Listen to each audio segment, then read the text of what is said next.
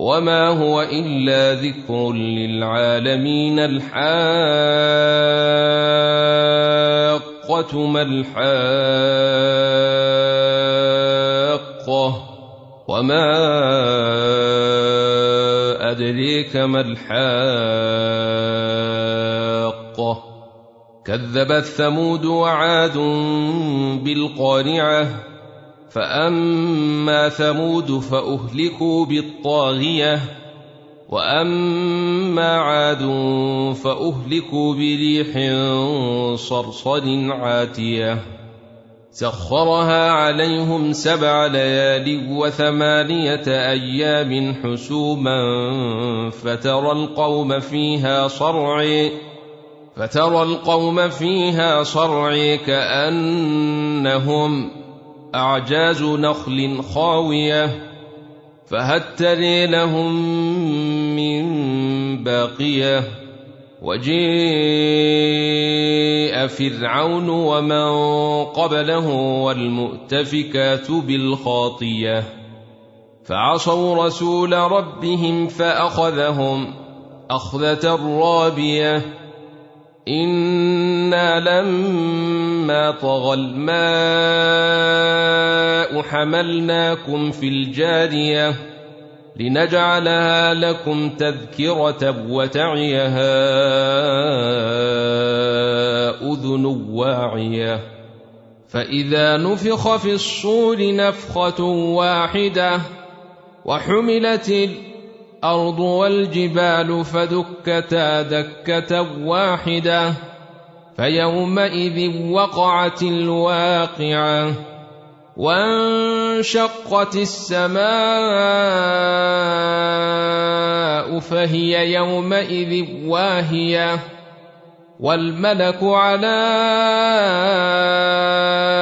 أرجائها ويحمل عرش ربك فوقهم يومئذ ثمانية يومئذ تعرضون لا يخفي منكم خافية. فأما من أوتي كتابه بيمينه فيقول هاؤم اقرءوا كتابيه إني ظننت أني ملاق حسابيه فهو في عيشة راضية في جنة عالية قطوفها دانية. كلوا واشربوا هنيئا بما أسلفتم في الأيام الخالية.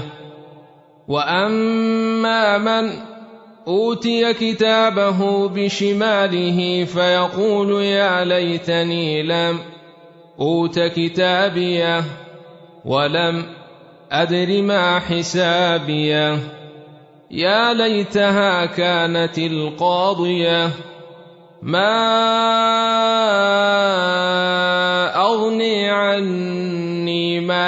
هلك عني سلطاني خذوه فغلوه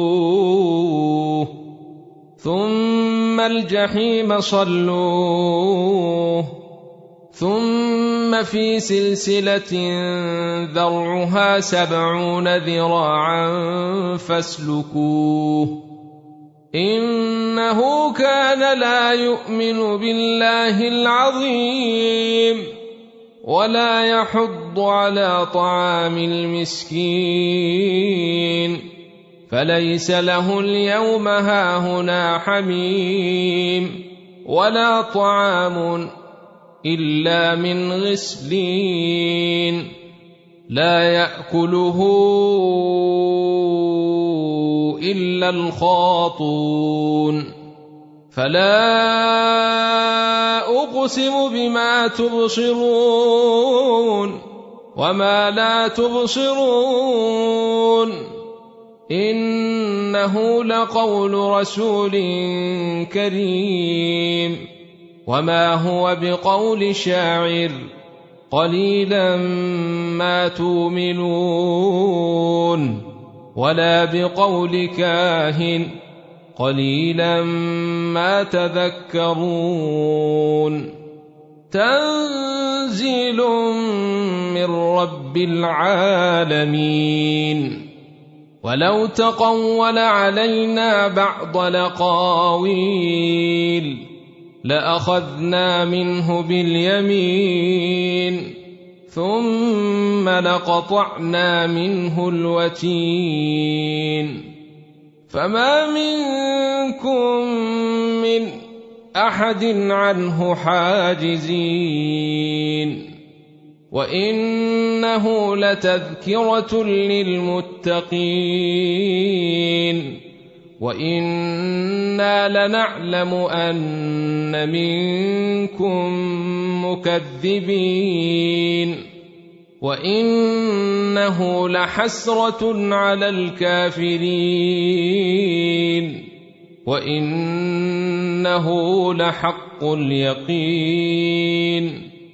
فسبح باسم ربك العظيم. سأل سائل بعذاب واقع.